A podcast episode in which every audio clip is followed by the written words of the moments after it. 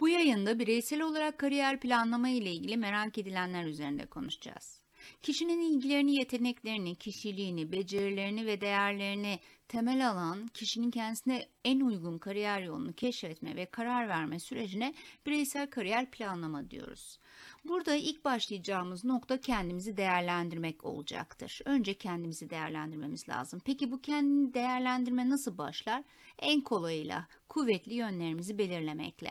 Nelerdir bunlar? Tabii bunlar herkeste değişik e, olacaktır ama biz burada örneklerimizle gidelim isterseniz. Mesela yaratıcıyım diyebilirsiniz. Yani çoğu zaman ürüne getirdiğim yeni bakış açılarıyla yöneticilerimi etkiliyorum demek güzel bir başlangıç olabilir. Ama tabii ki siz yaratıcı değilseniz lütfen iyi yönlerinize yaratıcılığınızı yazmayın. Müşterilerim ve takımımla iyi iletişim kurabiliyorum iyi bir yön olabilir. Doğru analiz edebilme açısından önemli ve kilit soruları sorabiliyorum. Sizin güçlü yönlerinizden biri olabilir. Veya kendimi tamamen elimdeki projenin başarılı olmasına adıyorum da diyebilirsiniz. Bunların tamamı sizin güçlü yönlerinizdir. Ama tabii biz burada bir kere daha söylüyorum örneklerle gidiyoruz. Lütfen siz kendi güçlü yönlerinizi yazın.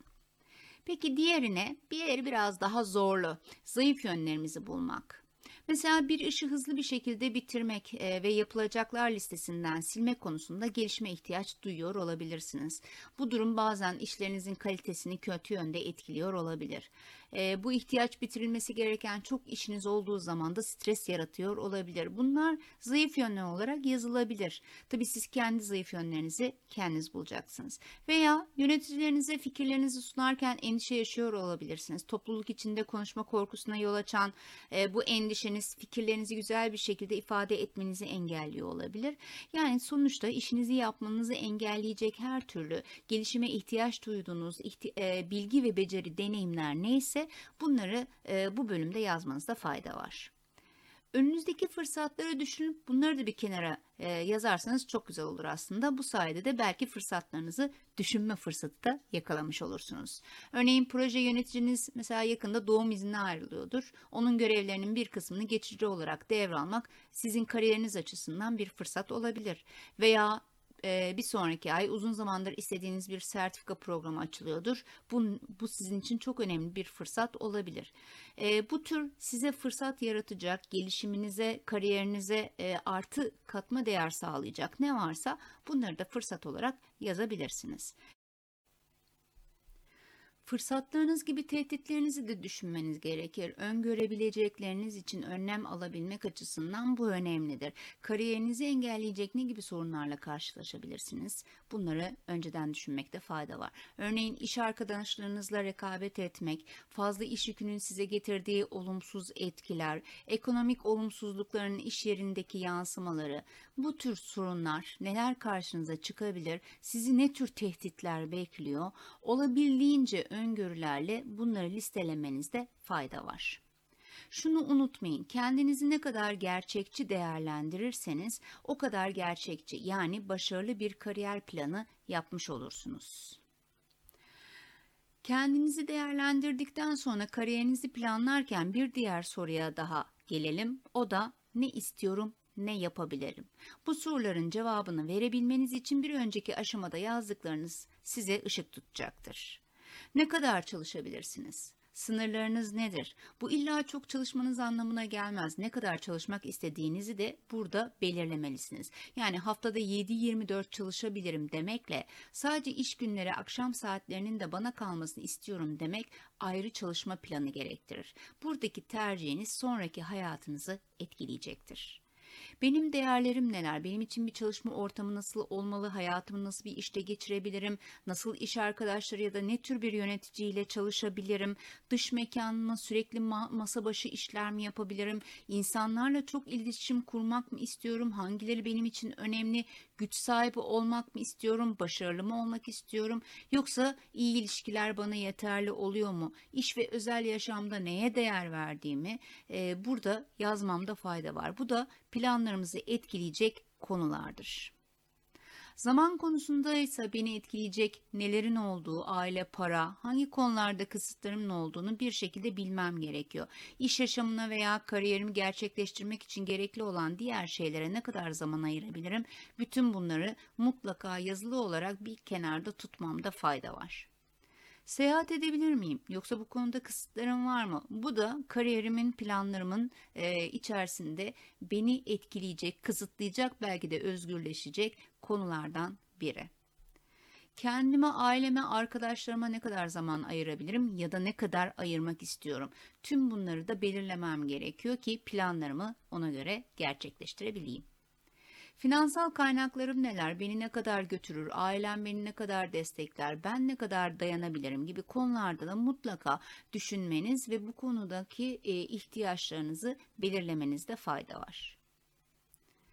Ve gelelim daha sonra e, tüm bu soruların cevaplarını düşündükten sonra artık hedefleri belirlemeye. Kariyerinizi planlamanın en önemli aşamalarından biri kısa ve uzun vadede hedeflerinizi belirlemektir. Hedeflerinizi belirlerken dikkat etmeniz gereken en önemli nokta spesifik olmasıdır. Yani İngilizce öğrenmem lazım yerine kongrede sunum yapabilecek kadar İngilizce öğreneceğim gibi bir hedef koymanızda fayda var. Kendinizi denetleyin bu hedefe ulaşmak için kişisel olarak ne yapabilirim? Hedefe ulaşmak benim sorumluluğumda mı? Yoksa başkalarına veya olaylara bağlı bir hedef mi koydum? Bunu mutlaka denetlemem lazım. Eğer başkalarına veya başka olaylara bağlı hedefler koyduysam bunları yeniden gözden geçirmemde fayda var. Aksi halde bahanelerimiz çok olacaktır. E, hedeflerin gerçekleşmemesinden kaynaklı başkalarını suçlama ya da başka olayları e, suçlama konusunda çok daha aktif rol oynayacağımız kesin.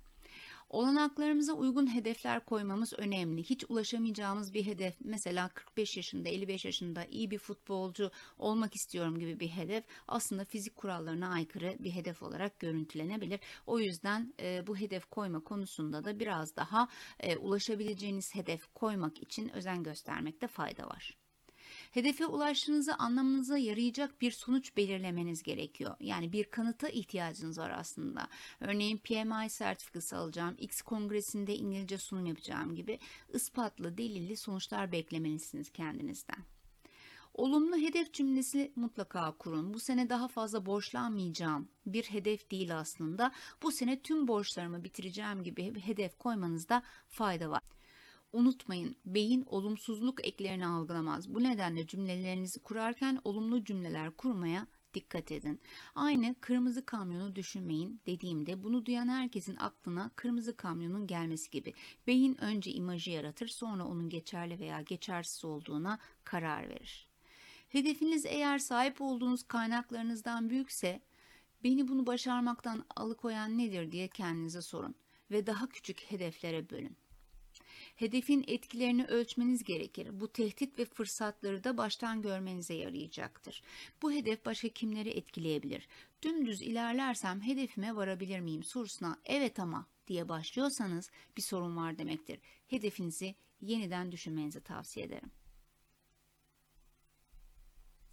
Artık kendinizi tanıyorsunuz. İhtiyaç ve isteklerinizin farkında ve hedeflerinizi de oluşturduysanız stratejilerinizi belirleme aşamasına gelmişsiniz demektir. İlk soru şu. Hedefime ulaşmak için şu anda ne yapmalıyım? Bu hedefte ilerleyebilmem için neye ihtiyacım var? Birilerinin desteğine, bilgisine, deneyime neye ihtiyacım var? Bundan sonraki somut adımlarım ne olmalı? Nereden başlamalıyım? İlk adımı atacak olsam bu hangisi olurdu? Kimden destek alabilirim? Kimler bana yardımcı olabilir? Hedefime ulaşabilmem için en güncel bilgiyi nereden, nasıl elde edebilirim? Bu soruların bazıları bize çok ağır gelebilir. Daha önce hiç düşünmemiş olabiliriz. Ancak bu konularda kendimizle baş başa kalmaz ve bu sorulara cevap vermezsek aynı bu trende seyahat ediyor gibi gidebiliriz. Kalabalık, gürültülü ve yavaş. Eğer bu sorulara cevap verirsek ve üzerinde düşünerek hedeflerimizi planlarsak aynı ekranda gördüğünüz trene binmiş gibi çok daha hızlı te temiz bir trende seyahat ediyor olursunuz. Unutmayın binlerce kilometrelik bir yolculuk bile tek bir adımla başlar. Dinlediğiniz için teşekkür ederim.